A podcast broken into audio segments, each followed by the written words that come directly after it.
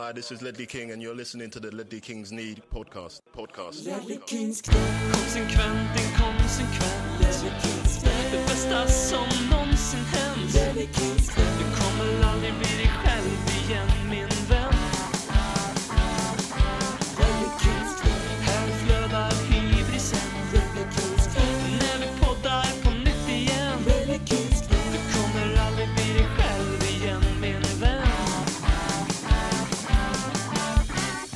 Varmt välkommen till den svenska podcasten om eh, champagnefotbollslaget Tottenham Hotspur. Det här är radioteatern Ledley Kings knä. Robin heter jag och den här veckan har vi förutom en eh, trogen gammal eh, vapendragare även en gäst i podden som vi strax ska bekanta oss med. Men innan vi gör det så vill jag passa på att påminna om slutspurten i våran tävling. Eh, Ledley Kings löparknä. En tävling för alla er som vill vinna en matchtröja. Får välja vilken ni vill, hemma, borta eller en gula med tryck eller utan tryck. Ehm, det här gör vi tack vare supportersplace.com. Och det enda du behöver göra det är att lägga upp en träningsbild med hashtaggen Ledley Kings löparknä. Så kommer sen en enig och rättvis jury och bedöma det bästa bidraget som får den tröjan. Och om det är någon gång det är hög tid att kickstarta det här året, eh, New Year, New Me och allt det där så är det ju ändå nu eh, när man kan vinna det här. Alternativt om du ska göra årets enda träningspass. Se till att göra den här veckan. Då så, eh, med mig från Sveriges 17 största stad, Skogaholmslimpan möter Kent-slingor. Eh, jag har ingen annan än den analytiska betygskonsulten vars eh, Robekin-vurm kanske bara kan trumfas av hans Lamela-vurm. Hur mår du då, BM? Usch, bra, bra. Det är svårt eh, ställningstagande direkt där huruvida det är Keen eller Lamela som går först. Eh, det, det, det förändras med årstiderna. Jag känner att Lamela är mer hösten, vinterns, vinterns man medan Robbe är våren och sommarens man. Och så får man lägga in de värderingar man har på respektive årstid själv. Vi fick, du pratade ju lite Robbie Keane förra veckan och då var, fick vi lite hugg i vår chattgrupp av en lyssnare som tycker att Robbie Keanes målgest var lite äh, överdriven. Vad tycker du, vad har du att säga om det? Eh, ja, jag tycker ju att alla målgester som är mer, mer inövade än Keynes är töntiga. Så att eh, jag får väl lov att ge vika där. Men jag tror inte jag tyckte likadant när jag var tio. Så Du försökte jula hemma på... ja, jag har gjort en målgest några gånger på P12 och P10 och P14 till och med kanske. Otroligt. Den är ju ändå otroligt avancerad måste jag säga. Så inte att jag lyckades. Nej, försökt. Vi har ju finbesök den här veckan också. Från vår kungliga huvudstad har vi hämtat eh, Imperiet-älskaren. Ja, jag eh, tror jag har rätt med. Från Premier League-podden Spurs-fanet med kanske Sveriges största uppsatt, uppsättning av eh, fotbollsmuggar. Anders Ryn, välkommen. Tackar, tackar. Eh, trevligt att få vara med. Eh, och eh, det är nog inte Sveriges största samling av fotbollsmuggar, men den är ganska ordentlig ändå. Vilken är favoritmuggen i den där samlingen? Eh, ja, det finns ju ett antal Tottenham och Djurgårdsmuggar av olika varianter, men eh, jag har en från ett division 3-lag eh, på Kreta, Platanias eller något sånt här som jag, Platanias FC som jag, den är ovanlig i alla fall. Att det ens finns tre divisioner av fotboll på Kreta. Ja, men de kanske spelar i grekiska ligan, jag vet inte. Men den stod i en någon form av souvenirshop, så då, eh, den håller jag ganska högt. Får mig att tänka på kanske den första fotbollsmatchen jag bevittnade live i mitt liv eh, på KOS. När jag var sex, det måste varit efter VM 94, sex år då. För eh, jag hade Martin Dahlin-tröja på mig och vi gick och kollade på någon fotbollsmatch som spelade på en grusplan. Fullsatt var det. Eh, och när jag klev in där då som sexåring så började alla eh, grekiska supportrar skrika Dalin, Dalin, Dalin på grund av min Mart- Martin Dahlin-tröja. Det minns jag nu när du sa Kreta där. Fint. Ja, vi, eh, vi- vi ska ju lära känna dig lite mer. Vad, vi brukar, eh, några korta frågor eh, innan vi drar igång här. Ehm, eh, Anders Ryn vet vi att du heter och, och Premier League-podden vet att du kommer ifrån. Men vad brinner du för? Eh, nej, men jag är väl eh, numera en pensionerad eh, fotbollsspelare på, på den nivån som alla killar egentligen var. Men jag, jag är ju en sportkille och lite historienörd. Så att jag skulle säga att jag kombinerar historia och sport tycker jag är intressant. Och så Tåström då, eh, han, han finns med när man gör de andra delarna tänkte jag säga. Så att eh, ganska enkel man skulle jag nog påstå. Då var du ganska så nöjd med På spåret i fredags antar jag? Otroligt nöjd och där lyckades de ju få in den enda, TV, den enda serien jag då har lyckats följa från början till slut. Game of Thrones också i någonting. Eller var det Postkodmiljonären som jag satt och kollade på innan? Men eh, blandar ihop dem där. Men På spåret i fredags var ju fint. Ja, verkligen. Och Hellacopters dessutom. Så att eh, har du något eh, historia? Eh, BM är ju historielärare. Eh, men, men, har du något avsnitt i historien som du brinner extra för? Ja, men jag gillar ju eh, säga, svensk historia och gärna... Jag tror att det här började lite när Geo kom ut med alla sina Arnböcker och allting där. Så någonstans har ju ja, Sveriges historia där på medeltiden och även korsriddarna fastnat lite grann om vi säger så. Eh, till och med så nördig att jag åkte på semester till Malta en gång bara för att se var de hade hållit hus en gång i tiden. Otroligt. Mer sådana resor eh, tycker jag man borde göra. Vad avskyr du? Ja, det är Arsenal och AIK då framför allt. Nej, men jag, eh, jag vill ju tro att jag är ganska öppen och inte avskyr så mycket. Men de som känner mig skulle nog kunna ge en hel lista på det där. Men eh, jag, låt mig leva i bilden av att jag är ganska open-minded och tycker om det mesta. Vackert. Det intalar vi oss själva. Vad avskyr du, BM? Uh, nu höll jag säga AIK och Arsenal också. Men uh, Chelsea, Manchester City, PSG fram till för tre veckor sedan. Det är ju väldigt lätt att säga AIK och Arsenal. Eh, orättvisa, sociala orättvisor. Bara för att vi ska få in ett lite krystat svar. Just det. Fint. Plötslig förändring. När jag, när jag inte får liksom landa i det själv först. Vem fan gillar förändring egentligen? Jag tycker bara, fy fan, det värsta som finns. Ja, ja om den inte är bra då. Precis, det är det som är problemet. Men då är det inte förändring, då är det utveckling. ja, ja, ja. Vi eh, ska ju, du är med här idag Anders för att du ska balansera oss lite grann i Mourinho-diskussionerna. Ja, jag har ju hört er här tidigare och eh, jag tycker ni är lite ensidiga ibland. Bra! Eh, då ska vi dyka ner i det alldeles strax. Eh, men först tänkte jag Sheffield. Vi vann en fotbollsmatch för första gången på, ja vad var det, är det två, två veckor eller någonting lite drygt.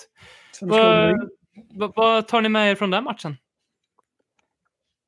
Ja, i ett så var det att vi gör ett tidigt mål och då blir man ju nervös direkt naturligtvis att det ska vara den här utvecklingen som vi har sett lite väl många gånger nu. Men eh, jag tycker det såg riktigt, riktigt stabilt ut idag även om vi släpper till ett mål. Eh, och det var ju naturligtvis kul att se att vi faktiskt försökte spela fotboll hela matchen också.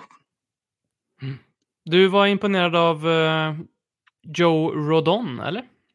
Ja, jag, jag, tycker faktiskt absolut inte att han är sämre än våra övriga mittbackar och eh, borde få eh, mer speltid tycker jag. Eh, ung, frisk fläkt och en av dem som faktiskt är på väg uppåt i sin karriär kontra några andra som jag tycker tar steg bakåt hela tiden. Eh, så att eh, var det Chelsea han debuterade mot och såg väl lite darrig ut första kvarten där och på övertid om vi säger så. Däremellan så gör han ju en riktigt bra match i övrigt. Så att, nej, jag, jag gillar honom och det skulle vara kul att se mer av honom. Jag tycker att han definitivt har gjort sig förtjänt av det.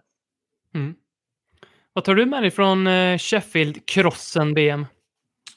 Lite som eh, Anders är inne på redan, att det var väldigt skönt att se att vi, det känns som att det här har satt sig lite på Mourinho har bemött och kritiserat, besvarat den här kritiken ganska mycket på senaste dagar.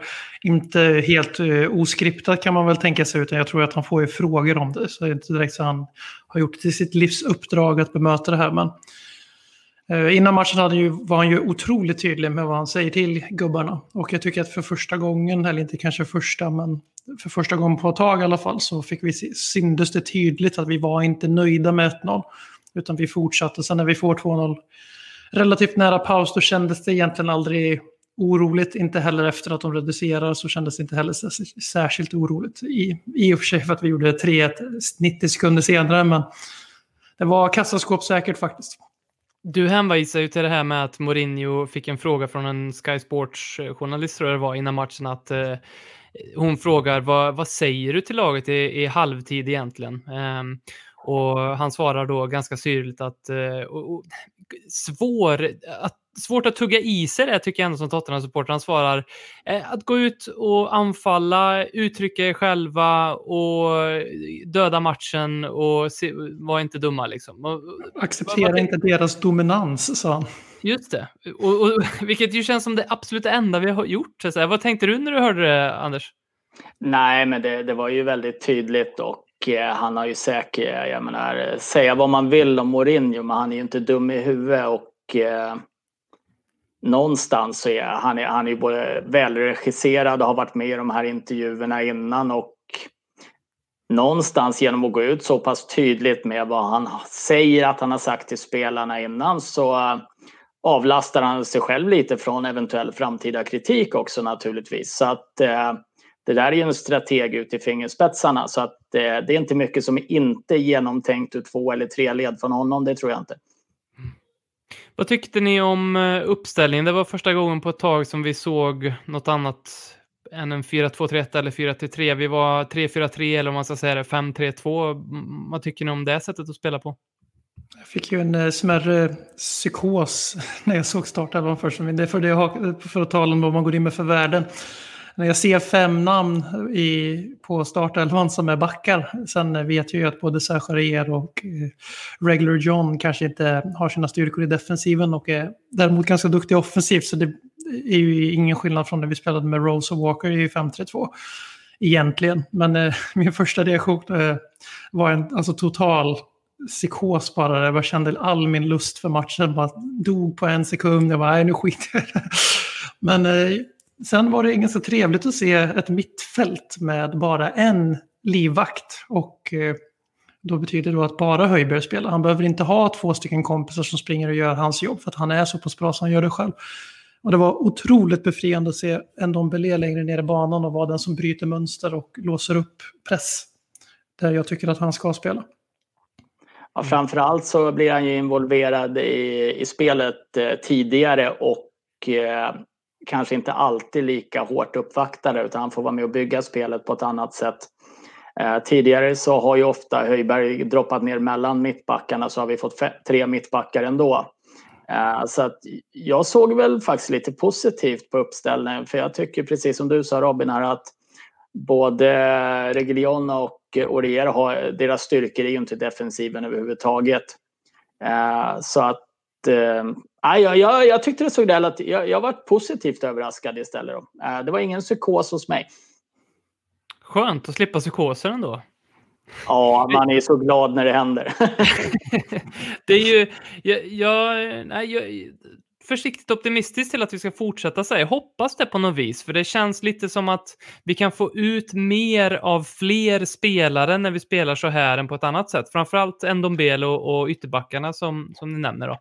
Eh, men också med tanke på att just mittbacks har vi ju varit eh, ganska kritiska till hela den här säsongen då, i den här podcasten i alla fall. Och eh, det känns lite grann som när vi kan spela med tre mittbackar så, ja men det säger sig självt att petar man in en extra gubbe så har man lite mer säkerhet bakåt liksom. Och särskilt ifall två av dem heter Erik Dyer och Tobbe Alderweireld, då har liksom, ja men träben. Eh, så. Ja, vi, absolut. Det, det jag gillar med uppställningen är också att Eh, det, det, har ju varit autostrader på kanterna bakom eh, Son och Bergwijn eller Mora, vem som har spelat på andra kanten. Och, eller motsatt kant om vi säger så. Och här får vi ett stopp lite högre upp på dem i och med att de ligger lite framför mittbackarna. De är inte nere i eget straffområde eh, helt oattackerade eller precis utanför. Så att kunna få stopp på motståndarna lite, lite högre upp tycker jag också är någonting Tottenham behöver.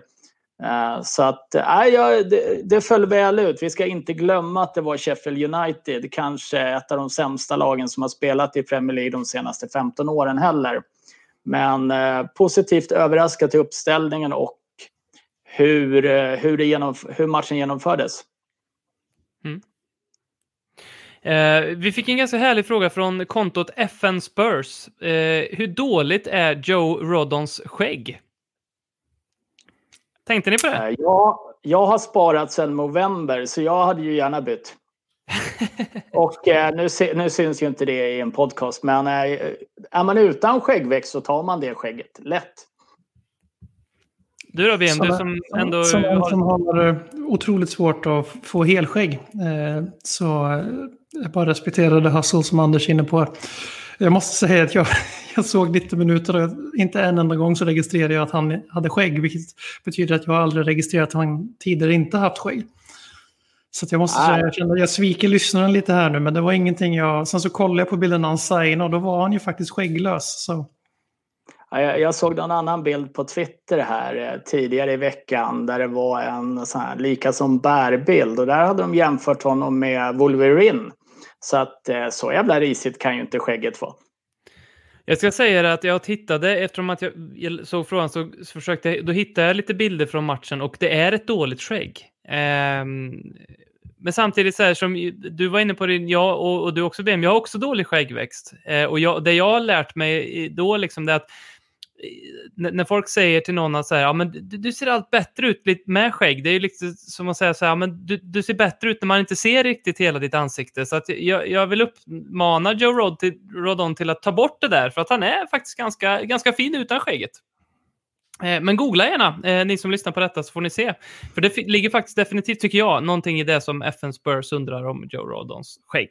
Måste ju ändå vara, alltså, det, det säger väl lite om hur stabil matchen var idag också när man kan fokusera på Eurodons skägg istället för att eh, vänta in en kvittering i slutminuterna kanske. Definitivt.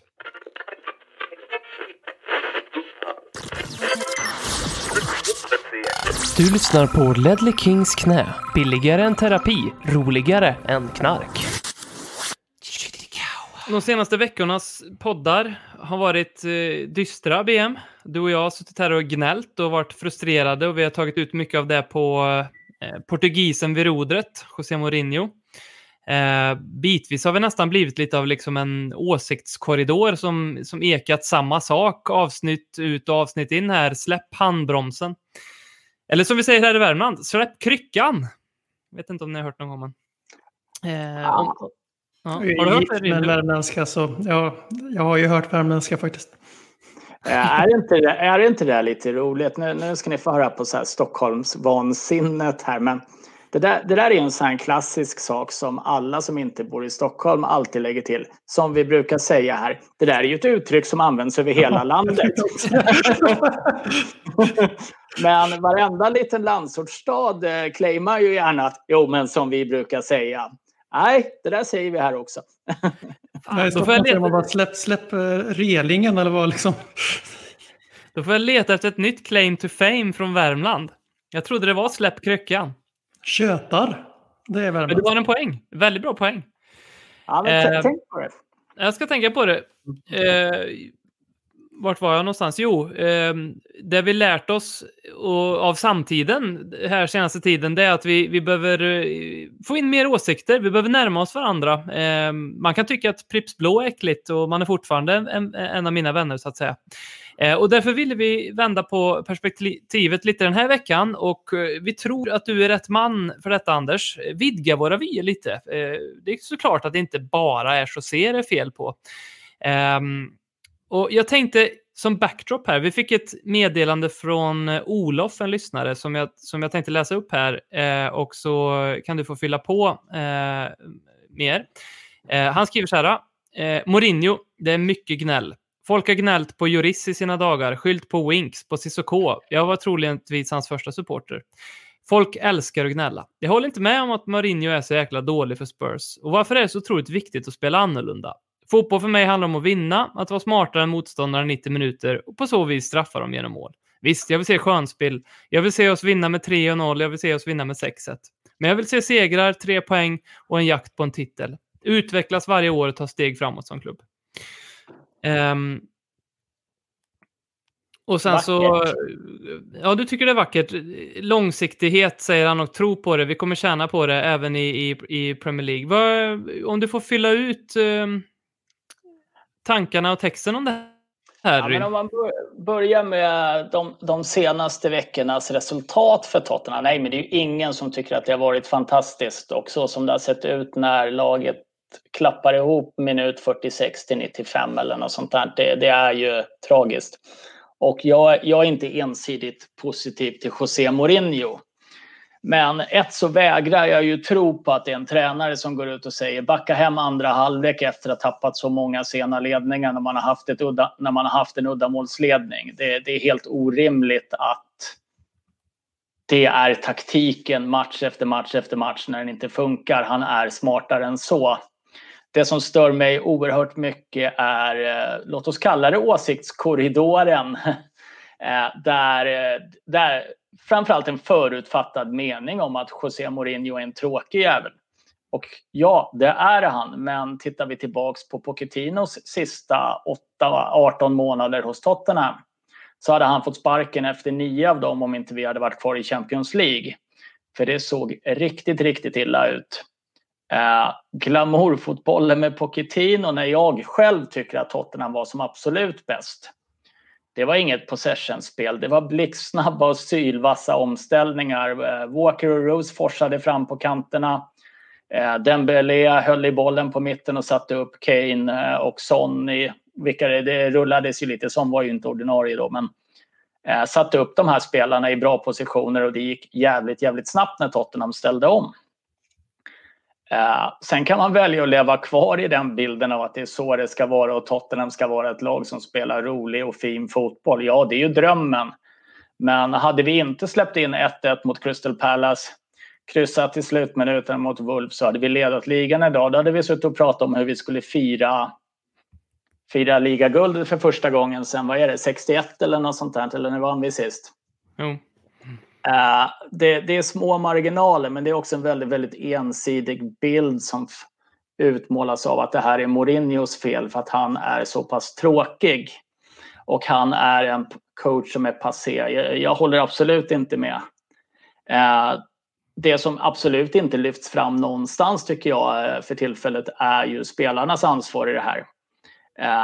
Jag har faktiskt specialstuderat lite nu, för vi har haft den här diskussionen i våran podd också. Då.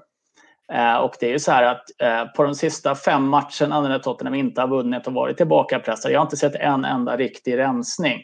Jag har inte sett en enda passning gå rätt i andra halvlek och vi har eh, hockeytacklingar i ryggen av Orier på obevakade eller på spelare som inte har bollen. Vi har markeringsmissar i, i försvaret. Vi har en jätte, enligt mig, jättetavla av Loris när han släpper frisparken mot Crystal Palace och sätt in vilken tränare du vill men har du, nu säger jag idioter till spelare så kan du inte coacha bort det. Det finns ingen taktik i världen som utesluter individuella misstag. Och eh, där tycker jag det väl snarare är en brist på kvalitet hos eh, Tottenham-spelarna i många led och framförallt försvarsmässigt. Så att eh, jag, jag tycker man får nyansera bilden lite av det. Upplever du att eh, det var vanligare att vi under Pochettino kritiserade spelarna mer, eh, men att vi har glömt det nu?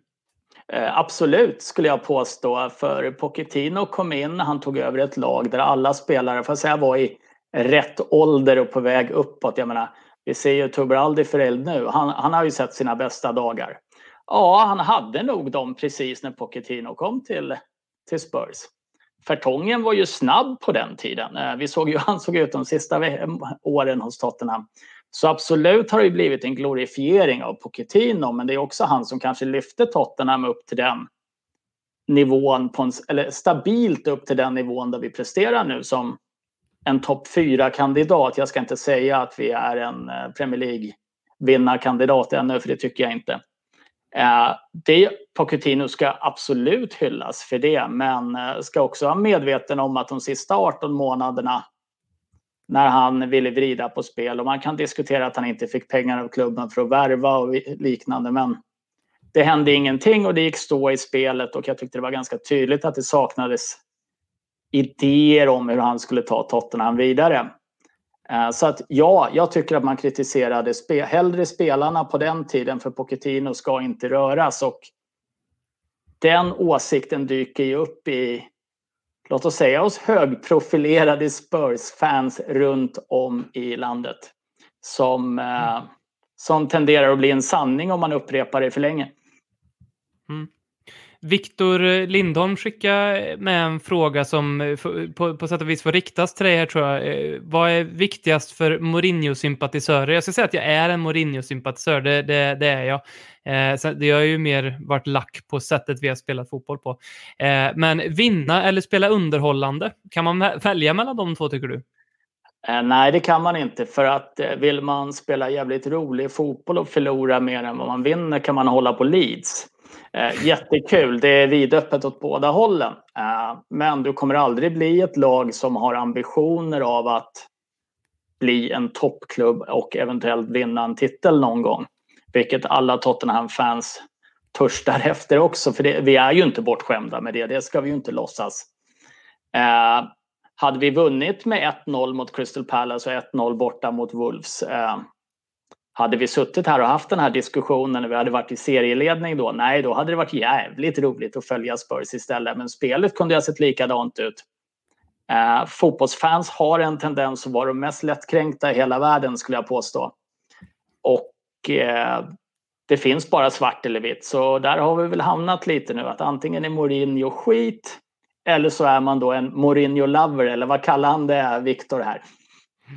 Mourinho-sympatisör, ja. Mm. Mordstjärnor brukar vi säga på den. Eller i, i ja, men jag, jag, jag, tycker kanske att man får hålla två sanningar i huvudet. Jag, jag ska säga att jag svär mycket över hur det ser ut och hur spelet har sett ut och vad jag tycker konstiga laguttagningar. Eh, jag menar, vi såg Cissoko som högerytter bara för någon vecka sedan och det, det, gör ju ingen jätteglad om vi ska vara helt ärliga. Och då är jag en Cissoko-sympatisör ska verkligen sägas. Eh, så att jag, jag, tror att man får nyansera det, men eh, det, det, är ju inte roligare att förlora matcher. Hur roligt man än spelar. Det, det, det hade varit samma röster då. Förlorar Tottenham med 4-3 varje match och åker ut, nog fan ska vi sparka Mourinho då också. Eh, det, det är jag övertygad om. Falla tillbaka på att det ser ju i alla fall kul ut, det, det är en jävla klen tröst i, i sammanhanget. Det är många som framhäver, eh, har jag sett, ehm, att eh, det inte är att stötta klubben. Att ehm, klanka ner och gnälla så mycket på Mourinhos sätt att spela på. Vad håller du med om det?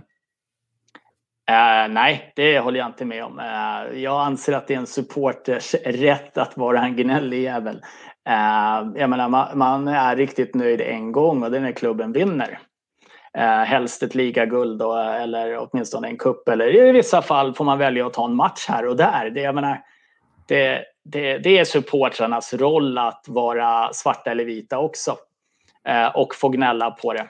Eh, däremot så finns det ju, jag tycker att det är roligt att se att det saknas väldigt ofta nyanser i det hela. Vad eh, säger du BM? Du, du har fått en fråga från Linux Holmgren riktad till dig här. Vad, vad är det som krävs för att du ska respektera Mourinho? Eh, respektera Mourinho tycker jag är ett eh, hårt, hårt laddat ord att ställa, för det gör jag. Det jag har haft svårt med med José Mourinho, eh, om vi ska börja från scratch, i, fin på avstånd. Jag visste att jag skulle ha svårt eh, att ha honom till mig. Eh, men det har, mer, och det har jag verkligen tänkt på de senaste dagarna för jag har själv upplevt att vi i Ledley Kings knä har, har hjälpt till att skapa en åsiktskorridor som i mitt tycke nu är det filterbubblor och algoritmer och allting på sociala medier som förstärker alla ens upplevelser, vilket är ett stort problem i samhällsklimatet i stort. Men det är att jag ser ju ingen, det är två, tre personer eh, som sticker igenom bruset dagligen när jag intar min Tottenham-dos som är så kallade Mourinho-sympatisörer. Och eh, det, då, då, märker man det här med det nyanslösa som finns. Och det som jag har märkt de senaste tiden när jag har tänkt och reflekterat kring det här, det är ju det här att jag går ju främst till försvar för Pochettino, för jag tycker att Kanske på grund av att man känner sig att man är i minoritet, man är nedtryckt av den här större massan som jag bedömer det som. Så försöker man göra ner det Pochettino har gjort för Tottenham. Eh, för att försvara José. Eh, vilket jag har otroligt svårt att... Det har, det har jag svårt att respektera däremot. Att man liksom låtsas som att Pochettino ska bedömas som att Tottenham var Manchester United under hans tid. Men Mourinho nu ska bedömas som att Tottenham är Tottenham. som Anders sa, liksom, att vi är en fyra aspirant. Pochettino tog oss dit. Kanske lite högre några år där. Men eh, när han drog härifrån så var det ju definitivt topp fyra var ju en pipe dream. Som det var när han kom. Eh, och det är väl det jag har gått igång hårdast på. För om man verkligen tittar på det José Mourinho har åstadkommit. Eh, hans eh, vinstprocent i Premier League är väl inte superb. Men då får vi komma ihåg också att vi hade en period i precis före lockdown där, där vi i stort sett hade 18 eh, spelare borta, varav alla våra nyckelspelare samtidigt i offensiven. Eh, men han har ju sportsligt sett gjort sitt jobb. Alltså om man kollar på poängen och tabeller, vi, vi hade fortfarande legat fyra i Premier League tror jag, om vi räknar från det att han tog över Tottenham. Vi är med i Premier League-titelstriden 2021. Säger kanske inte skitmycket om Tottenham utan kanske lite mer om Premier League 2021. Men det går inte att ta ifrån honom det faktumet att slår vi City, Chelsea och Liverpool nu.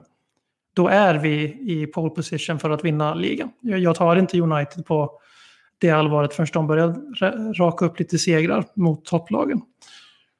Eh, och sen är det ju här vi kollar förra året, åkte ut alla kupper pang. I år, vi är kvar i alla kupper, vi spelar en kuppfinal. Vi ska förhoppningsvis spela kanske två, eller åtminstone gå långt i två kupper till. Och sen så som Anders var inne på, det som har de här individuella misstagen, det, fick, eh, det får Mourinho skiten för nu. Det, kan, det skriver man under på. För det är ju fakta att ingen tränare i världen, för det var ju exakt vad jag satt och sa, det sista så döende rycket med Pochettino också. Hur fan ska han kunna coacha ur Serge och var hjärndöd i försvarsspelet? Nu är det ju de, nu använder man ju som Pochettino-kramare, använder man ju de argumenten mot Mourinho. Eh, så för att respektera José Mourinho, det tycker jag att jag gör. Det som jag har märkt på senare tid, förutom det här med att man försvarar Pochettino, som jag tycker görs ner för att höja José, vilket jag inte har någon respekt för. Det är ju det här att man eh, har kanske gått på den här myten om the Tottenham way eller the Spurs way. Den här som många klubbar har en sån. Alltså att det finns någonting vackert i just din klubb. This means more, Liverpools motto förra året tror jag det var.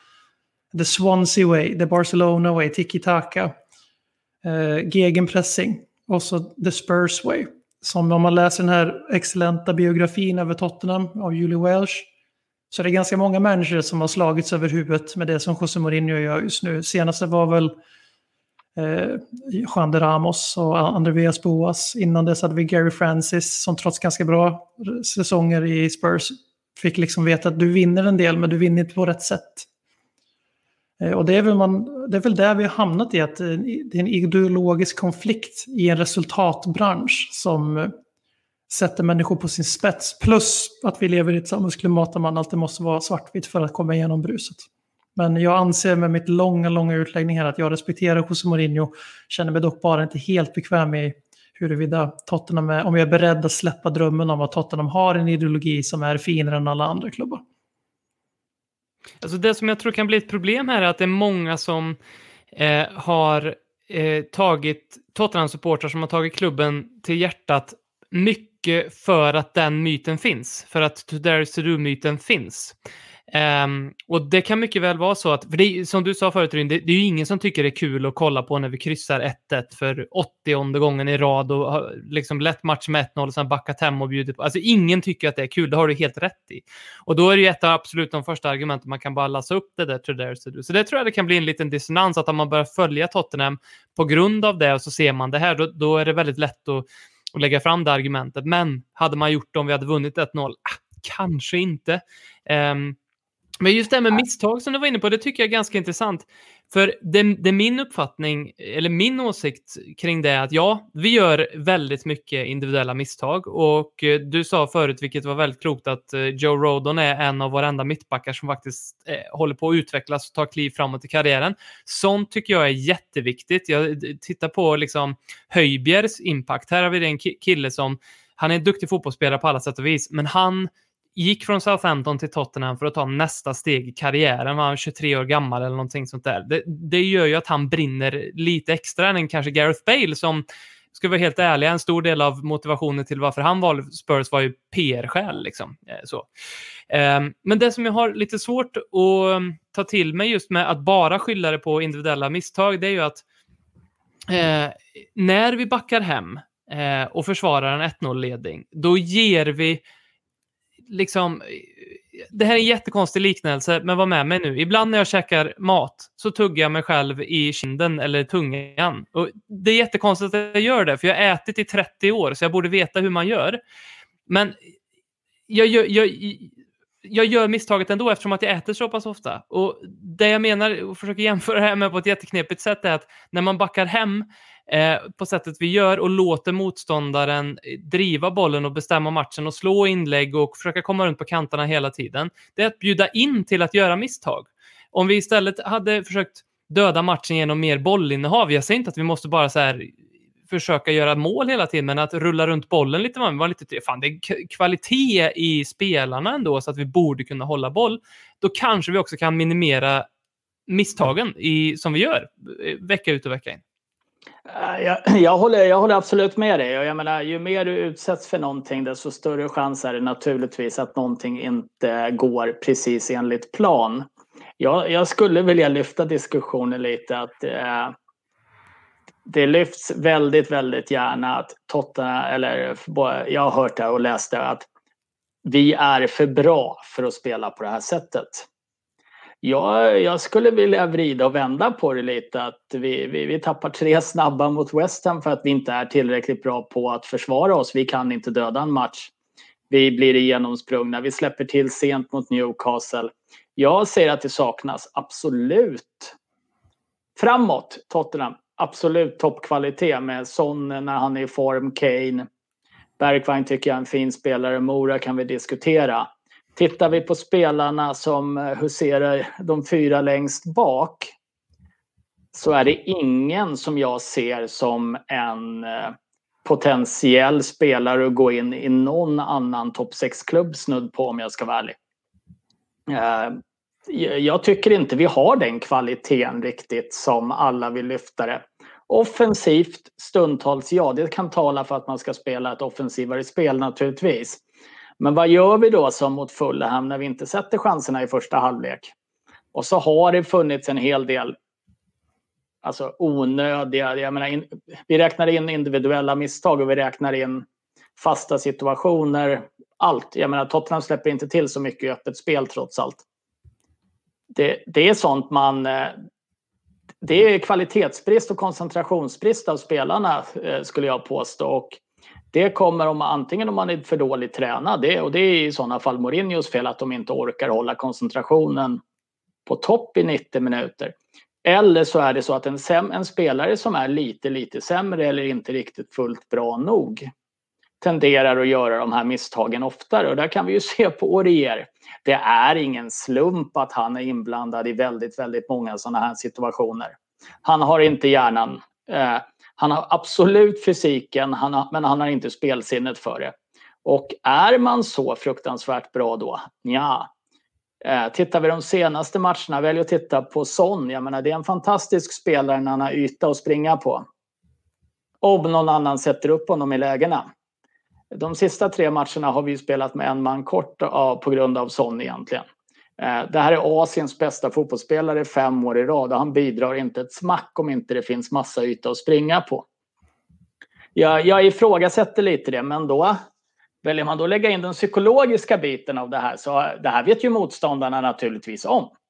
Tottenham har tappat väldigt mycket matcher på slutet det ger ju dem en tro över 90 minuter att det här kan vi fortfarande ändra på.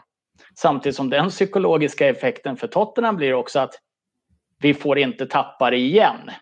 Så jag tror att eh, det där är ju menta ett mentalt spel för spelarna också, som har, eller mental tyngd för spelarna.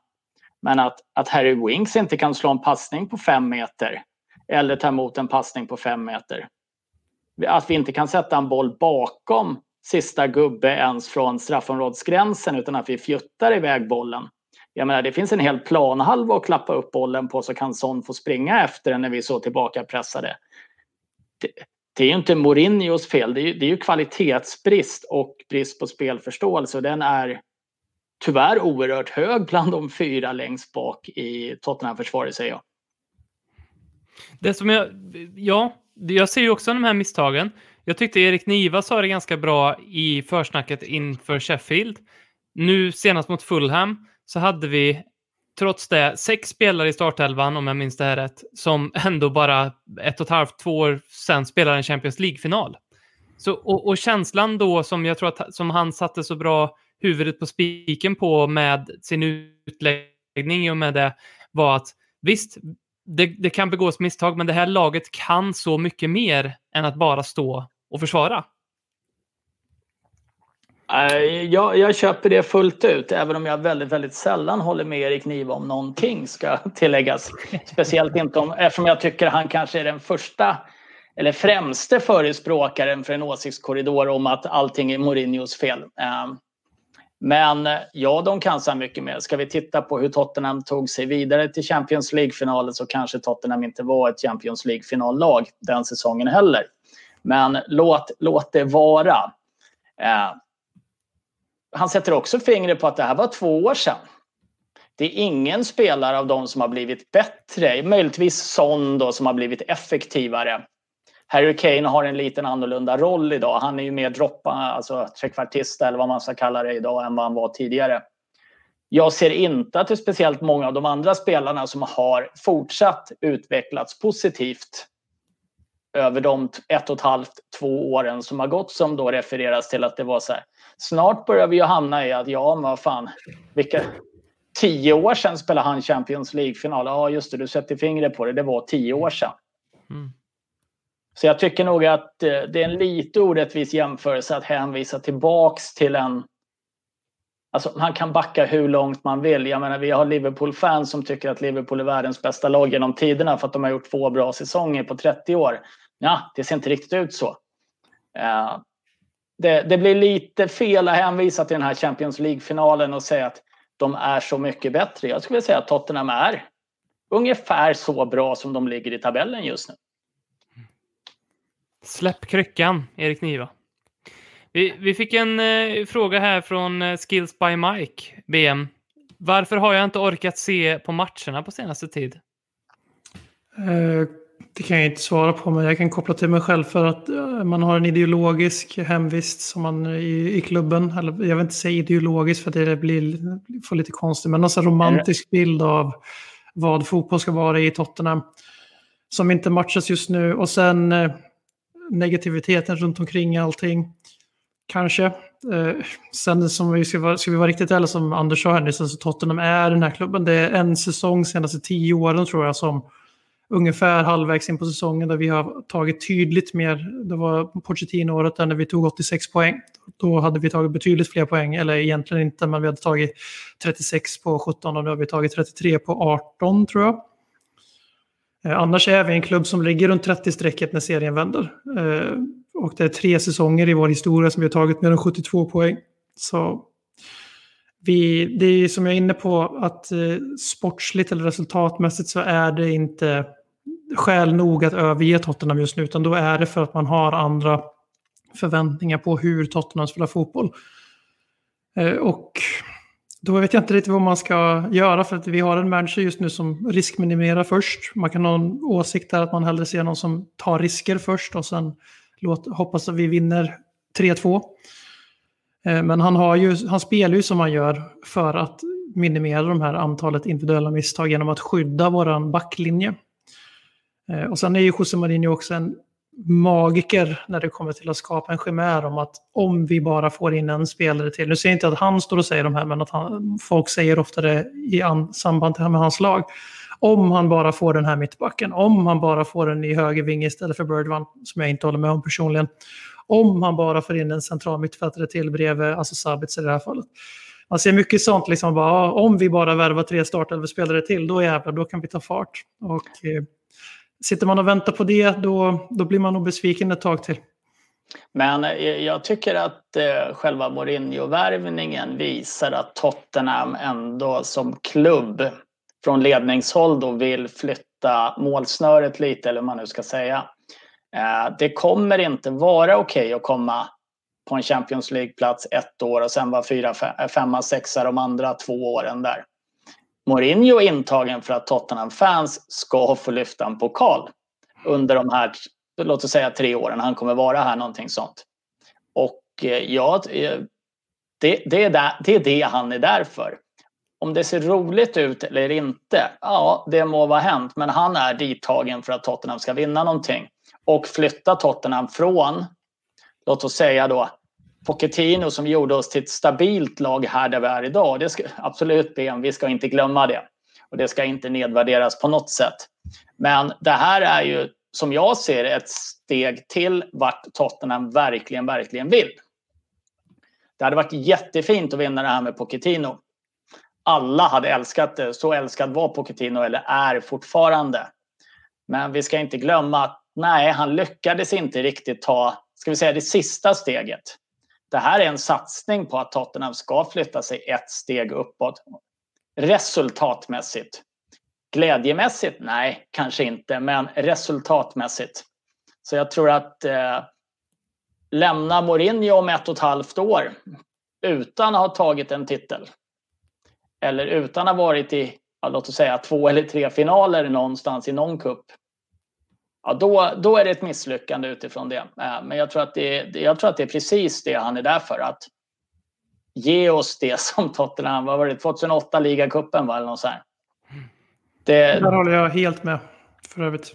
Jag har bara sagt att det, det är lite en av, en av andra aspekterna som jag har reagerat på mycket i senaste tid är just att jag anser att man sänker kraven på Mourinho just nu.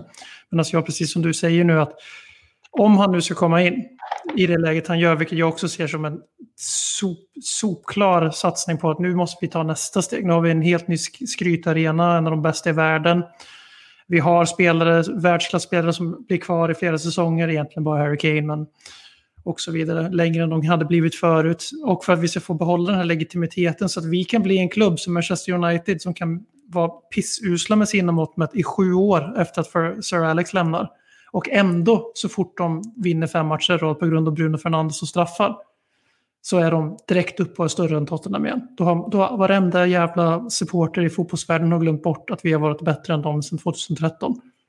Och för att Tottenham ska någonsin komma upp på den nivån och på riktigt bli en av de stora, där det är okej okay att vi missar Champions League två år i rad utan att sälja våra bästa spelare, så måste Tottenham vinna någonting.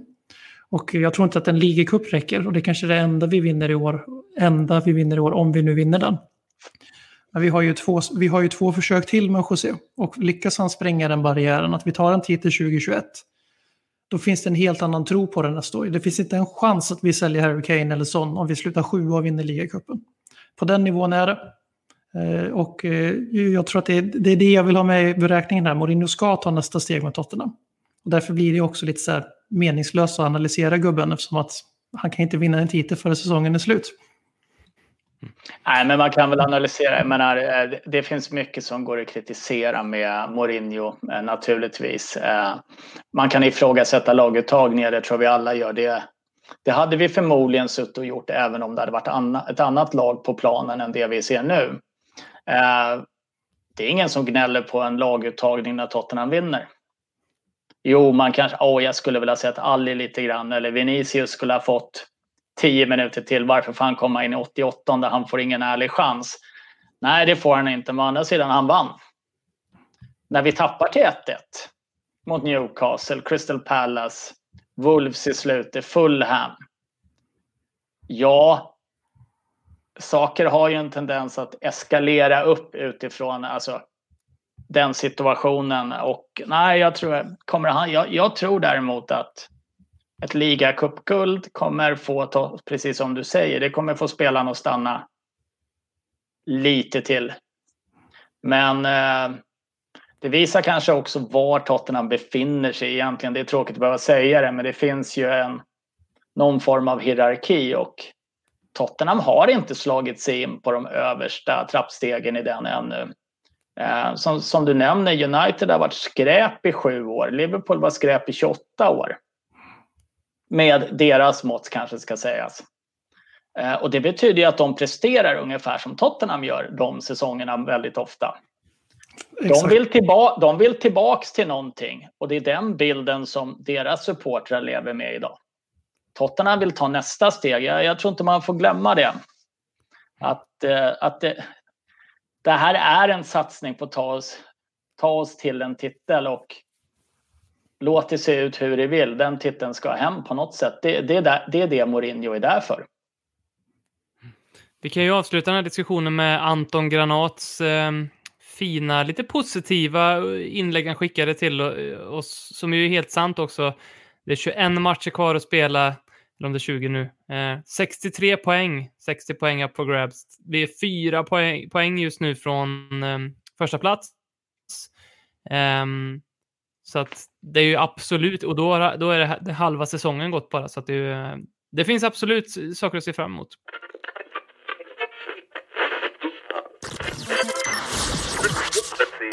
Du lyssnar på Ledley Kings knä. Du kommer aldrig bli dig själv igen. Jag måste fråga er en sak. Innan matchen mot uh, Fulham, Scott Parker, han var rosenrasande på sitt lilla fina brittiska överklassvis. Näsan lite lätt uppåtlutad och kritiken inlindad i rosor och liljor och inga svärord och sådär. Han kritiserade fotbollsförbundet för att ge honom så lite förberedelsetid för mötet och Mourinho var kaxig efteråt. Ja, om Scott Parker nu ställer upp med sitt bästa lag så, så måste han också be om ursäkt. Jag bara tänker så här. Eh, jag förstår att man inte kan ha det så här en hel säsong, att man får reda på två dagar innan vilka man ska spela och vart man ska spela. Men vad fan, släpp kryckan lite Scott Parker. Det, det, är fotboll, va? Om jag ringer mina polare här, vi kan vara igång en match på 30 minuter. Jag förstår liksom att han, han kan inte få sitt så här fina pdf utskrivna om vilken vindriktning som påverkar vilket håll Davison Sanchez springer och så här. Det, det, det förstår jag. Eh, har, tycker ni att det, har, det gått för långt eller är det bara Scott Parker som inte gillar överraskningar? Vad, vad tycker ni om det här? Att eh, Scott Parker ska sätta sig ner lite för att eh, vi fick veta ungefär samtidigt som de att när vi skulle möta varandra. Eh, och eh, i en coronasäsong så får man nog vara beredd på att eh, det kan bli kort varsel. Det går till och med lite spekulationer om att våran match mot Aston Villa kanske spelas i veckan. Trots att vi egentligen ska vara första lediga helvecka på sen säsongen börjar. Eh, nu vet jag inte varför det skulle bli så, men det gick någonting om det i alla fall, att det eventuellt kunde bli så. Då, då, då får man anpassa sig efter det. det är liksom, eh, jag menar, jag följer NHL och där spelar man alltid varannan dag. Alltså, har du en arbetsdag på dig och förbereder dina spelare och det andra laget har en arbetsdag på sig, då har ni samma förutsättningar. Ett annat argument som ofta ser emot det är att de har inte lika bred trupp som oss.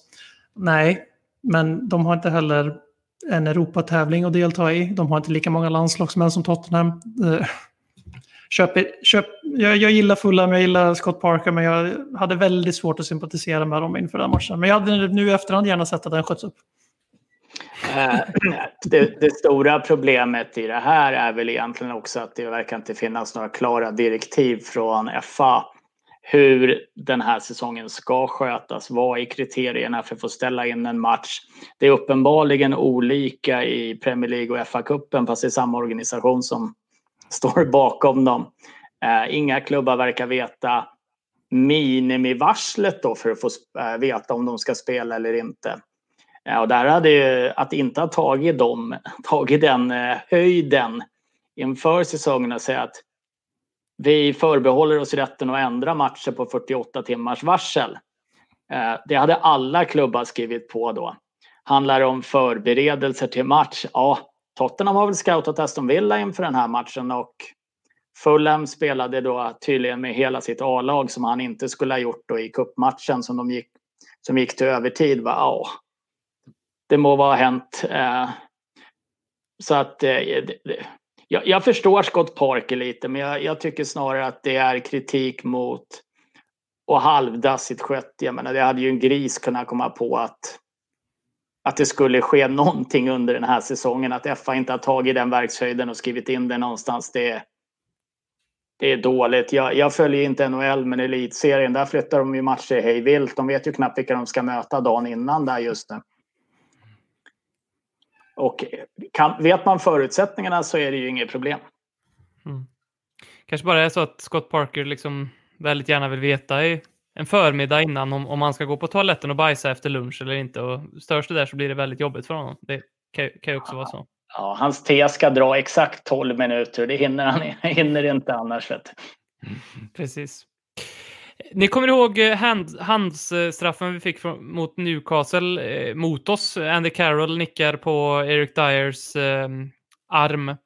Eh, efter den och ett par andra incidenter eh, för andra lag så har, ju, så har det varit tydligt att fotbollsförbundet, FA och domarkåren, eller om det är domarkåren kanske, men i alla fall ändrat sina bedömningar. Vad tycker ni om det här? Att man ändrar, ehm, ja, ändra bedömningarna? Det är ju så hårt att säga reglerna, men det kanske också är under rådande säsong. Ja, argumentet sportslig integritet som användes delvis för att förklara varför Aston Villa kunde spela FA-cupen men inte kunde spela ligan mot oss med ett U23-lag. Eftersom det då skulle vara orättvist mot alla andra lag som fick möta Aston Villas faktiskt ganska bra A-lag. De är ju också med där med sina hängmatcher om de skulle vinna dem. Eh, det är ju i stort sett halva ligan som är med. Men det är ju Alltså det är konstigt att använda det argumentet i sådana fall och sen samtidigt bara, men nu ändrar vi handsbedömningen för straffar mitt under säsong efter att vissa lag redan har fått sådana straffar dömda emot sig som i vårt fall då eh, kostade två poäng. Men det är vad det är. Hellre att det blir rätt i majoriteten av matcherna än att man, får, att man måste spela utan armar som försvarare. Tycker jag. I, I grunden så är jag ju totalt emot regeländringar under säsong. Samtidigt så måste man kanske någonstans också kunna rätta till uppenbarliga felbeslut. Att det här, här var det inte genomtänkt.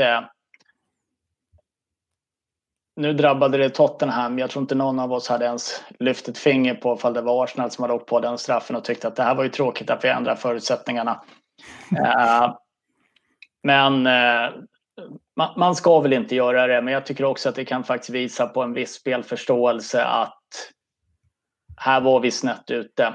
Eh, det här måste vi rätta till, det här blir ju totalt fel. Jag, jag, är för den förändringen faktiskt som har gjorts. Jag tycker att det är löjligt. Det var ju som förra året när Tottenham bland annat fick något mål bortdömt. Det är väl Lukas Mora som blir fälld och blir rensad på armen, axeln och det blir ett bortdömt mål för handen har varit inblandad i uppbyggnaden av spelet. Jag menar... Kille blir fälld bakifrån liksom. Ja. Eh, det, ja, jag tycker att det är en viss styrka att faktiskt kunna visa att man har gjort fel där och säga att vi, vi måste förändra det här. Jättetråkigt för dem det drabbar, men det kanske hade varit... Ja, Brighton som krigar nere i botten som åkte på en straff mot United på övertid för det här. Eh, när han blir nickad på handen. Eh, de kanske tycker det är värre om de åker ner, men för Tottenham... Nej, det, det är inte hela världen. Jag tycker det är viktigare att få en vettig bedömning 95 procent av säsongen faktiskt. Jag, jag, tar upp det för att jag, jag såg, jag tror det var en eh, retweet vi gjorde från vårt konto som eh, ironiserade över här att eh, ja, tidigare i säsongen då blev det straff här men det blev det inte nu längre och jag är ju såklart helt med. Det jag bara tänkte på att i kölvattnet av VAR så är det nog inte helt omöjligt att vi kommer att se mer sånt här framöver när vi har mer vinklar och kameror som tittar på allting, vilket öppnar upp för ännu mer debatt för, oss supportrar, eh, vilket ju inte kan gå obemärkt förbi på alla domare. Eh, oavsett om de stänger ute sig från sociala medier så plockas det upp av tidningar och det blir ju en, hel, en opinion om saker som mycket starkare, liksom, eller opposition kan man nästan säga till och med. Eh, så jag, jag, tror det kanske kan komma lite fler sådana här saker. Eh, inte, handsregeln aktualiserar ju liksom och, och, ger ett exempel på det. Men att vi kan vara faktiskt beredda på att det sker, eh, att det blir mer sånt här. För ty, jag, kan ju, jag är ju inte skulle inte vara helt förvånad ifall det här med att vi ska börja mäta om någon är liksom offside med näshåret eller inte, ifall det är en sån grej som vi bara, äh, vi skiter nog i det här och så, så tar det mer än 60 sekunder att göra bedömningen, då skiter vi i det liksom. Det skulle ju kunna vara nästa steg i det här, jag, jag vet inte. Eh, jag, jag, är ju en VAR-motståndare i grunden för jag anser att eh, det är en bedömningssport och du kommer aldrig kunna få en rättvis nivå i slutändan ändå eftersom man ser redan idag att olika domare har olika nivåer i olika matcher och det påverkar gula och röda kort bland annat. Det du får gult för i en match släpps i nästa. Du får rött för någonting som ger gult i en annan. Man kommer aldrig uppnå någon form av gudomlig rättvisa där allting liksom bara, ja men så här är det. Eh, tittar man på offside-regeln så är det väl en av de få som jag anser att man i sådana fall ska hålla jävligt hårt på för det är ett ja eller nej-fall. Det finns ingen bedömning i det utan det, i, I mitt motstånd till VAR så anser jag att ska man hålla på offside-regeln så ska den vara verkligen ja eller nej. Eh, och då pratar vi näshårslängd om det tyvärr är så. Ska vi skratta åt topp 6? Let's laugh at the top 6. They are really shit.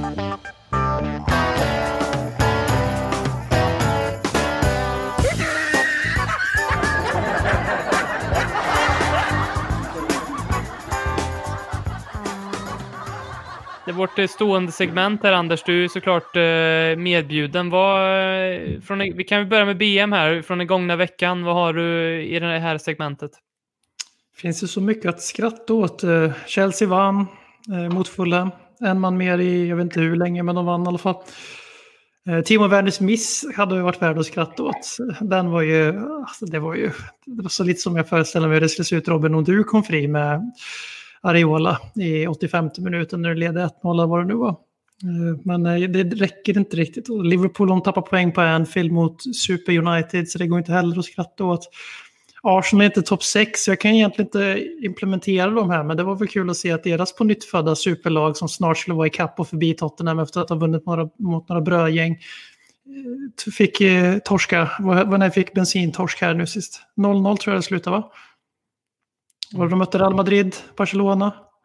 Ja, något av dem, jag kommer inte ihåg. Uh, det var, men det var något av dem. Eller Bayern München, jag är lite osäker. Uh, nej, men det är väl alltid kul att det går, till, går lite trögt för Arsenal naturligtvis. Men om, om det heter skratta åt topp 6 så var det ju många år sedan ni hade kul åt Arsenal. Vad har du, har du något från den gångna veckan Ryn, du har tänkt på? Um, något lag Nej, det, ett så är det ju naturligtvis lite komiskt att Chelsea match efter match under, eller att Chelseas två miljarders värvningar där med Werner och Havertz och Thiago Silva och några till överglänses av en liten Chelsea-brat som heter Mason Mount. Det, det, kan jag ju tycka är kul. Eh, Kai Havertz måste ju vara de största pengarna i sjön än så länge. Det finns ju naturligtvis otrolig potential i honom men eh, det kan ändå roa mig att, att de, eh, de här tre killarna är så pass oerhört mycket sämre än Mason Mount och eh, tycker också, vad heter han? Heter han Hudson och Doy va? Något sånt. Överglänser Timo Werner. Eh, jag menar, det var ju... Timo Werner skulle ju se till att Hudson och Doy inte spelade och Mason Mount skulle väl få avlasta Kai Havertz lite som eh, mittfältare där och det, det är ju två riktigt dåliga investeringar så här långt och det är alltid kul. Jag eh, har grävt jättelångt ner i skratta åt topp 6-godispåsen. Så att min input den här veckan det är, det är till Liverpool och alla kränkta svenska, svenska Liverpool-fans. Vi pratade om eh, På spåret här nyss när eh, ingen av burarna kunde, eh, nu spoilar jag väldigt mycket, men vad, vad, vad Liverpools eh, arena heter. Eh, och jag kan bara säga att det gick nog ett sus genom hela Liverpool-Sverige. Och oj, oj, oj, alltså oj vad de ska ha ojat sig där hemma och tyckt att det var jobbigt att på bästa sändningstiden fredag så kunde inte den här kultureliten svara på vad deras eh, allsmäktiga arena eh, hände. Så att, jag, jag riktar den till er alla Liverpool-fans som lyssnar på det här och känner er kränkt över det där. Jag, jag, har en liten uppföljning på just det då, om du tar den så. Det var ju förra veckan i Postkodmiljonären där en eh, lärarinna sitter och berättar hur, eh, hur stor Liverpool-fan hon var och sen så kommer det då en fotbollsfråga om vilka som har vunnit eh, Champions League flest gånger. Och Berg, där säger ju lite om Liverpool supportrars självbild, för hon svarar ju bergsäkert då Liverpool på den. Varvid hennes pojkvän gömmer huvudet i händerna och svaret var Real Madrid. um, men den kanske tillhörde förra veckan, men det var lite kul. väldigt, väldigt bra. Vi eh, rundar av med lite lyssnarfrågor. Um, vi har fått en lyssnarfråga från uh, pseudonymen Harry Hotspur. Den här lyssnaren vill vara anonym um, på grund av frågans karaktär. Um, jag vet inte om ni vet att det gjordes en undersökning för ett tag sedan då man tillfrågade 4 000 supportrar hur bra de var i sängen. Tottenham-fansen vann, eller vad man ska säga, 71 procent av supportrarna sa att de var bra och det var bra för deras partner. Brighton-fansen har enligt undersökningen mest sex och det här är kul, 20 procent av West Ham-fansen är oskulder.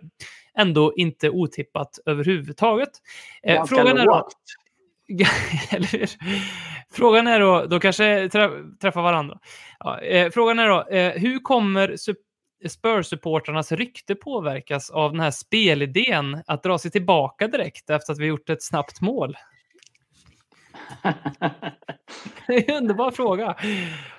Men om man Ja, ändå, håller ändå ut i 85 minuter i snitt, det får väl ändå räcka, anses vara godkänt eller? Han Ja. drar sig tillbaka och tillbaka. Det här skulle vi kunna se som att vi låter den andra ta lite initiativ också. Vilket är fint. Vad Ja. fint ändå att den här undersökningen tydligen var att man frågar fansen själva. Det hade jag missat, jag har ju sett det, hört det här förut. Men att, att man har liksom bara fått kryss i en enkät. Men så här bra är jag i sängen, det tycker min partner också. Check!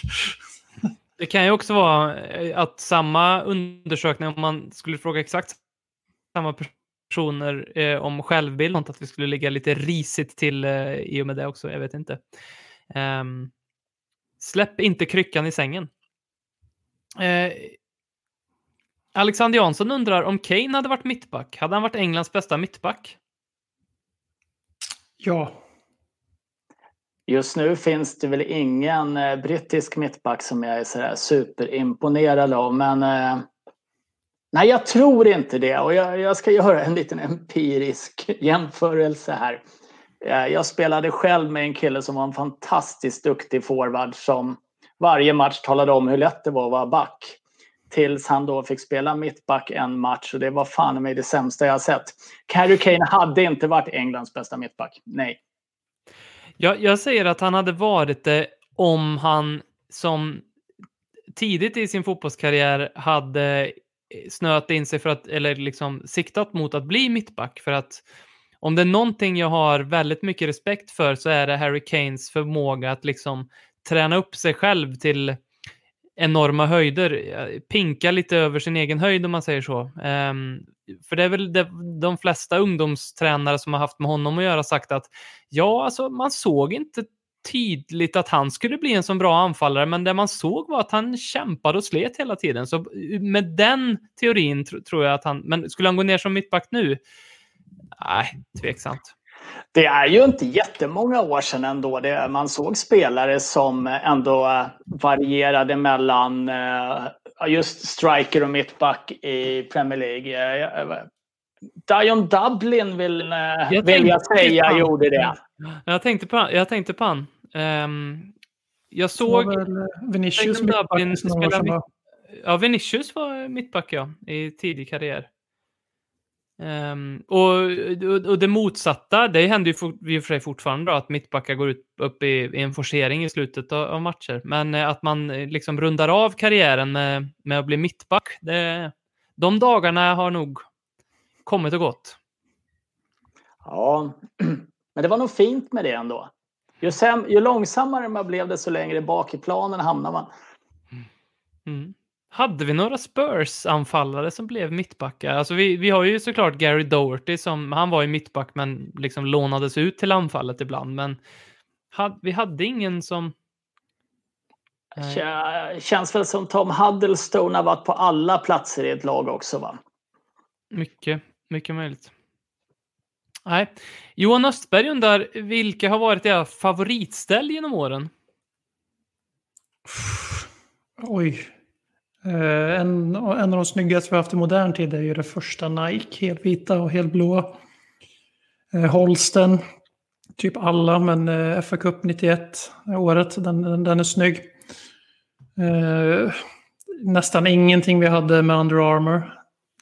Kanske tennispikén, oklart. Det är de två jag kommer på på rak arm, alltså förutom eh, 61 den blåa.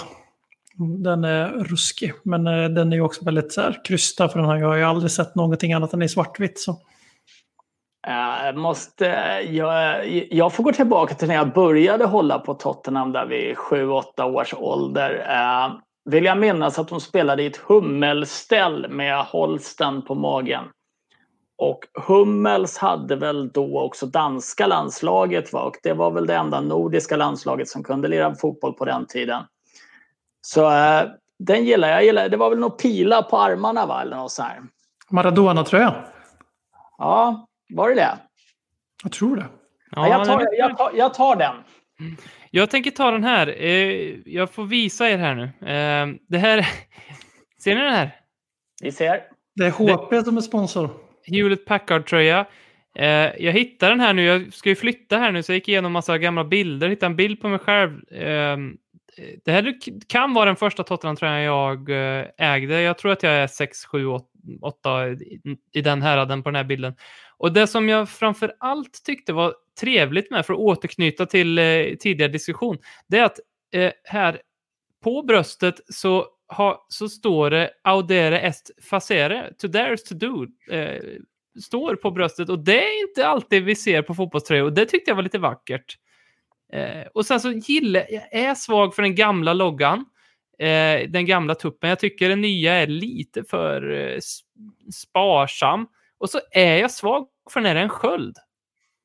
Eh, jag tycker det liksom, när inte bara tuppen står fritt så att säga, utan att den är, jag gillar det. Fin tröja. Ja. Vi får posta bilder på de här.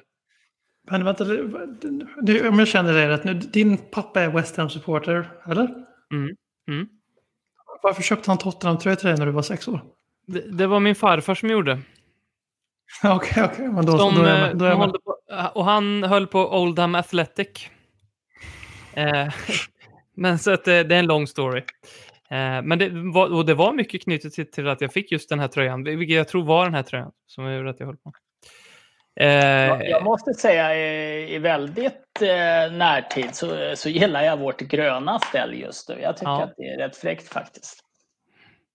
Och jag vet inte om det är för att vi gick till Champions League-final i det stället, men det stället som Lucas Mora gjorde det där hattricket i jag har inte den tröjan, men jag letar efter den så att säga. För jag, den är fin. Den är faktiskt ganska svår att få tag på. Ja. Jag tror att det har mycket med den där kvällen i Amsterdam att göra. Så det är någon som vill bli av med den så eh, storlek medium, large. Eh, Anton Rosengren undrar om Deles nuvarande status i laget har påverkats av relationen med Mourinho, eh, eller kan det vara något annat? Eh, känns väl ganska givet det, va? Eller? Vi får ju börja det ärliga först. Eh, Dele har inte varit lika bra eh, som han var när han var 21, sen han var 21. Han har blivit lite, lite sämre varje säsong. Eh, han fick väldigt mycket förtroende när Mourinho kom in. Vi såg i dokumentären att Mourinho fick ett särskilt intresse i honom. Han ansåg väl att det fanns mycket att väcka till liv i Dele Alli. Eh, jag fick, ändå upp, jag fick ändå uppfattningen om att José Mourinho gillade El Ali då. Eh,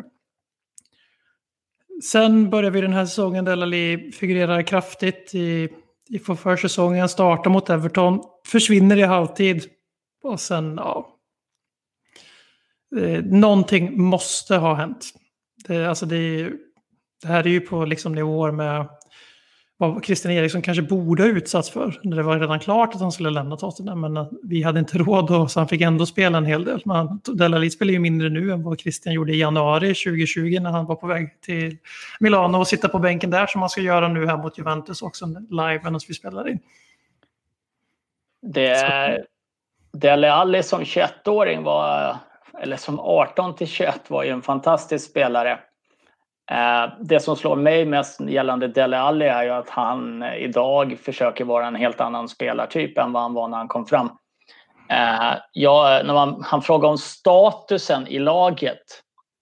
Jag tror hans status sjunker snabbare i takt med hans prestationer på plan en, eh, en eventuell konflikt med Mourinho. det tror jag nästan skulle kunna stärka hans position i laget att om, om spelarna inte står bakom Mourinho, vilket jag tror de gör, ska jag säga också, eh, så är det nog snarare så att om de upplever att Mourinho, eh, Ali, Mourinho mobbar Ali så skulle det inte sänka hans status. Men däremot att prestera på den nivån som man har gjort de, jag säger senaste året i alla fall, frånsett den här berömda intervjun med I asked Ali, is it you or your brother? Show me the real one. Så har han inte gjort mer än fem bra matcher på snart ett och ett halvt år. Och jag räknar inte med Marine division 8. Nej, det är, det är, det är rimligt. Eh, jag stängde av en fotbollspodd i veckan, eh, en brittisk, eh, som ojade sig om varför inte Dele Alli får spela för att han var ju helt outstanding mot Marine. Eh, då kände jag bara... Det, det, jag skulle ändå vilja, du har rätt tycker jag, han, hans, eh, hans, eh, han har ju tappat Eh, jättemycket på planen, men jag, också, jag funderar också på varför han inte får mer chanser. Jag funderar, nu, är, nu idag mot Sheffield, var vi, nu är det väl kanske liksom klart då att han kommer att lämna eftersom att han inte ens klarade bänken. Eh, men att han inte har fått spela mer när eh, jag tycker att många offensiva spelare inte alls har visat eh, någonting. Lucas Mora under en period. Bergs, Bergman har varit okej, okay, men, men framförallt Lucas Mora, Gareth Bale. Jag tycker han borde få mer chanser än vad de får. Men sen så tror ja. jag att jag, jag, tror det är toppen av ett isberg vi ser. Jag tror vi ser ganska mycket av det, vad som är problemet, för jag tror inte det bara är sportsliga, utan ta den här Instagram-bilden han lägger ut efter eh, Fulham där han inte får, får spela han vet han vad han gör eh, och han kan alltid komma undan med att säga nej, men jag var besviken på resultatet när liksom Livio och de ställer mot en väg. Men, men han, han har ändå, liksom, nu vet jag inte hur många miljoner följare han har på Instagram, men han sänder ut ett väldigt tydligt budskap och det hjälper ju inte honom i den situationen. Och sen när han inte presterar och när han inte spelar vecka ut och in så kommer det upp ett nytt betalt samarbete vecka ut och in på Instagram och det, att inte han tänker igenom det här och liksom eh, vad han sänder för signaler utåt. Jag tror att det har, hans relation med Mourinho har nog, och inte bara med Mourinho utan med klubben och med sig själv till mångt och mycket, har nog jättemycket med det här att göra tror jag. Jag, jag håller med dig helt och hållet och jag kan tycka att det, det är halvt, där kan vi prata om lite så här respektlöst mot klubben tycker jag också att så tydligt på det sättet visa att man är missnöjd med någonting. Jag, jag har väldigt, väldigt svårt att tycka synd om en kille som är bänkad i ett Premier League-lag och tjänar ett par miljoner i veckan. Eh, du kunde ha jobbat inom sjukvården eller vad som helst för en, låt mig säga det är ett jävla fult uttryck, men en jävla skitlön. Eh, en IVA-sjuksköterska har idag rätt att lägga ut den där bilden när hon åker hem från jobbet. En välbetald fotbollsspelare ska vara lojal mot sin klubb. Det här är min gamla romantiska bild av det hela. Är lojal mot sin klubb tills den dagen han lämnar. Punkt. Och han håller käften om den gamla klubben han har bytt. Däremot kan han få jubla när han gör mål mot den. Det tycker jag är okej. Ja, det är faktiskt lite vackert. Um, om vi avslutar med det här då, Berbatovs baby. Om svaret är Jedson Fernandes, vad är då frågan? Den som vem till slut... Vem, ja, vem är det? Den var bra. Det var annars, vem var det som till slut jagade ut Dele Alli ur Tottenham? Svaret var Jedson Fernandes. Vem sitter och konsumerar onödigt mycket luft och luktar död hud i omklädningsrummet? Han måste ju vara borta snart, va? Ja, sitter på bänken idag för Winks och Delle. Jättemärkligt. Nej. Ja. Men det här tror jag är en sak vi måste säga, för jag tror vi for med osanning i någon podd för någon, någon gång sedan. Vi sa att han hade samma agent som Mourinho. Det har han inte. Nej, nej.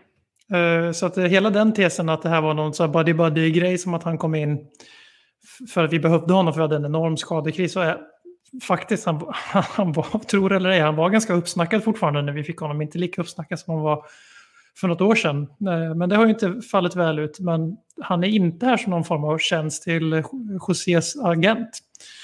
Eh, och inte Vinicius heller, som man kanske kunde misstänka. Eh, så det kan ju bara vara lån för att stoppa blödningar och vi skiter väl i att utveckla dem. Det är väl en aspekt på Vinicius också som lyftes förut. att Varför ska vi spela in honom för? Kommer han på riktigt ut, konkurrera ut Harry Kane? Nej. Så varför ska han få massa minuter för? E egentligen. Ja, den, den håller jag väl inte riktigt med om. Jag, jag tycker att vi... Det, det, behövs en backup men det ska, eh, till Harry Kane och det...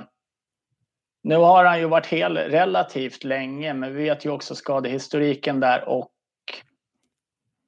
jag, jag, jag, tycker att det behöver någon. Jag tycker mig, jag vill se någonting i Vinicius ändå och både som spelare att jag tycker inte han är bedrövlig, men jag tycker också att det ser ut som att han accepterar den rollen han har. Han ser fan glad ut när han blir inbytt. Är det 91 idag eller något sånt?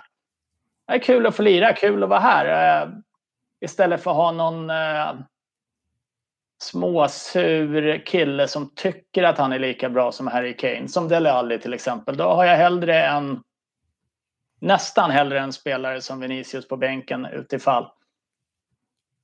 Alltså det som är märkligt är att han kan ju omöjligt ha fått när, när Tottenham sålde in Tottenham säsongen 2021 till han och hans agent så kan ju liksom omöjligt varit så här, ja, du kommer få starta mot Marine och så kommer du kanske få göra typ två, tre minuter i slutet på en match när vi leder med 3-1. Ja, men det tror jag nog att jag signar upp för, jag som har liksom delad skytteliga-vinst i, i portugisiska ligan. Liksom. Det kan ju omöjligtvis Någonstans då, där måste planen varit att så här, ja, men du ska ändå, målet med dig är att vi ska värva dig för att du ska bli så pass bra här under Mourinho. Och, och då tycker jag också att det är så här, varför spelas han inte mer? Eh, det, det, det, tycker jag faktiskt också är konstigt.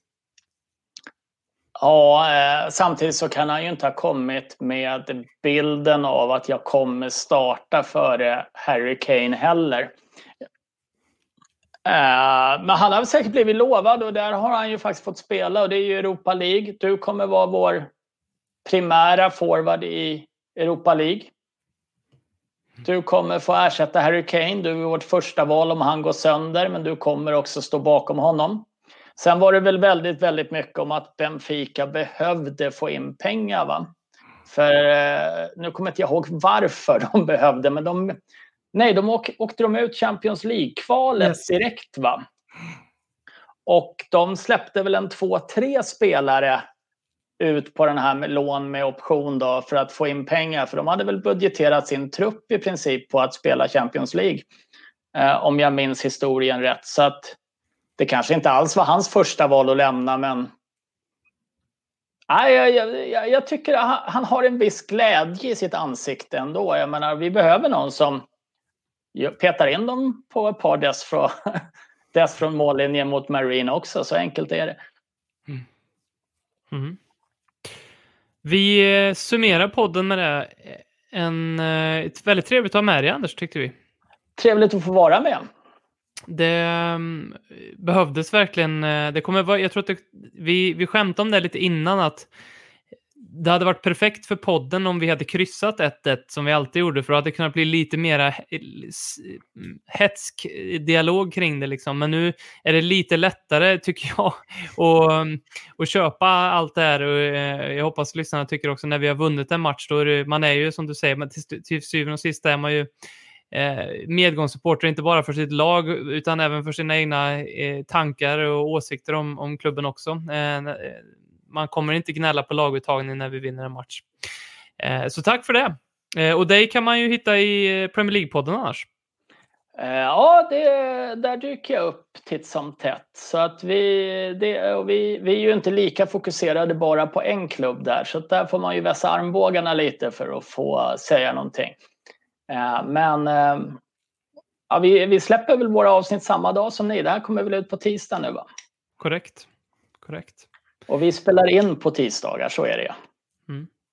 Vi, eh, men det tycker jag är roligt med Premier League-podden att ni eh, har eh, en, ni har den här diskussionen nästan varje vecka. Alltså det blir alltid folk som inte, vi, som inte håller med varandra. Vi sitter här och har åsiktskorridor vecka ut och vecka in i ABM eh, nästan, så att eh, uppfriskande. Ja, men vi representerar ju sex olika lag och eh, det, jag menar, sen så gaddar vi ju naturligtvis ihop oss mot Arsenal-supporten till exempel och mot Chelsea-supporten. Och sen, jag menar, ha två Liverpool-killar med, det borgar ju för en total eh, helt felaktig världsbild när man går in i de flesta diskussioner. Så att det brukar kunna bli lite, lite friska diskussioner ibland. Pelle Svensson, är det er podd? Jag kan ja, det, jag kan inte, det... Twitter-namnen kan jag inte. Nej, det, det, det är våran podd. Det är vår Arsenal-representant. Ja, det var det jag tänkte. Pelle Svensson. Nej, men det, namnet kommer från att han... Dyrt och heligt lovade att nu tar Crystal Palace inte en poäng till den här säsongen för några år sedan. Och då hade de väl åtta segrar i rad direkt efter det. Det, det hedrar honom i sådana fall. Det visste jag inte. Jag har där kopplat namn, ditt namn och Jalkemos namn. Jag liksom kunde koppla till person på Twitter. Men Uh, Palla Svensson på Twitter är också den enda jag har fått blocka. För att eh, en lägre nivå på twittrande får man ju leta efter. Kom ihåg vår eh, tävling, eh, eh, löparknä. Eh, ger ut, fota, lägg upp, eh, tagga och var med till på fredag den 22 januari så pågår den här tävlingen. Sen väljer vi en vinnare. Och musik också, eh, höll jag på att glömma. Spelar du något instrument, Anders? Jag är totalt tondöv och taktlös. Så jag, jag klarar precis att lyssna. Men jag sjunger inte ens i duschen för att det låter så illa. Du ska veta hur många gånger jag har hört folk säga sådär och sen så överraskar de ändå och säger jo, okej då, jag kan lite och sen så har de en jävla pipa liksom. Det är ju ofta det där händer. Nej, jag, jag försökte gå med i skolkören i nian för att slippa lektioner. Men eh, jag, jag är en av de få som inte fick vara med faktiskt. Ja, det är vackert på sitt sätt, men vi ska ju göra en tolkning av Ozzy's Dream, eh, den gamla Chess and Dave-dängan från 1981, tror jag att det var, den spelades in. Och eh, har- jag har bett om eh, medmusikanter för detta projekt och eh, fått napp. Eh, jättekul. Eh, tre personer tror jag som har hört av sig hittills. Ehm, och, så jag vill bara bumpa det igen för att om det är någon fler som känner att ni vill vara med på det här projektet så kommer jag eh, mejla ut ett arrangemang kort och ni kommer få spela in vilket instrument? Någon måste ju sitta på en jävla säckpipa där ute eller något annat obskyrt coolt instrument som man kan spela in till det. Det vore bara kul. Ehm, så att, eh, ja. Nu, nu, av skrattar jag, nu skrattar jag lite för att jag, jag äger ett instrument och det är en säckpipa. Det, det är här det kommer fram. Jag är totalt tondöv och taktlös, men jag har en säckpipa. Ja, jag, jag, jag köpte en när jag pluggade i Skottland för många, många år sedan. Eh, Men eh, den kommer inte vara med, Robin. Den kommer inte vara med. Vi kan ju, ja, det hade ju varit kul att bara se dig försöka. Alltså så här, här, varsågod, här är säkert, spela Ozzy's Dream, Anders. Det hade ju varit kul att se. eh, tack så mycket hörni, tack BM också. Vi hörs väl nästa vecka vi. Då gör vi en uppmaning. Välj väg här framöver. Antingen svartvitt och onyanserat eller så försöker vi höja nivån på debatten. Jag tänker inte ta ställning, man får göra som man vill. Eh, Tagga bara Robin dock i era tweets framöver så jag slipper. Och sen eh, eh, tycker jag att ni kan spika era tisdagar framöver. Det är först Ledley Kings knä och sen är det Premier League-podden direkt efter det som ska vara på er playlist. Tror jag är Ja. på många playlists faktiskt. Ja, det, det finns mycket vettigt folk så det borde se ut så. Gött. Då säger vi så. Tack ska ni ha. Tackar, tackar. Tack. Konsekvent, inkonsekvent Det bästa som någonsin hänt Du kommer aldrig bli dig själv igen min vän Här flödar hybrisen när vi poddar på nytt igen. Du kommer aldrig bli dig själv igen.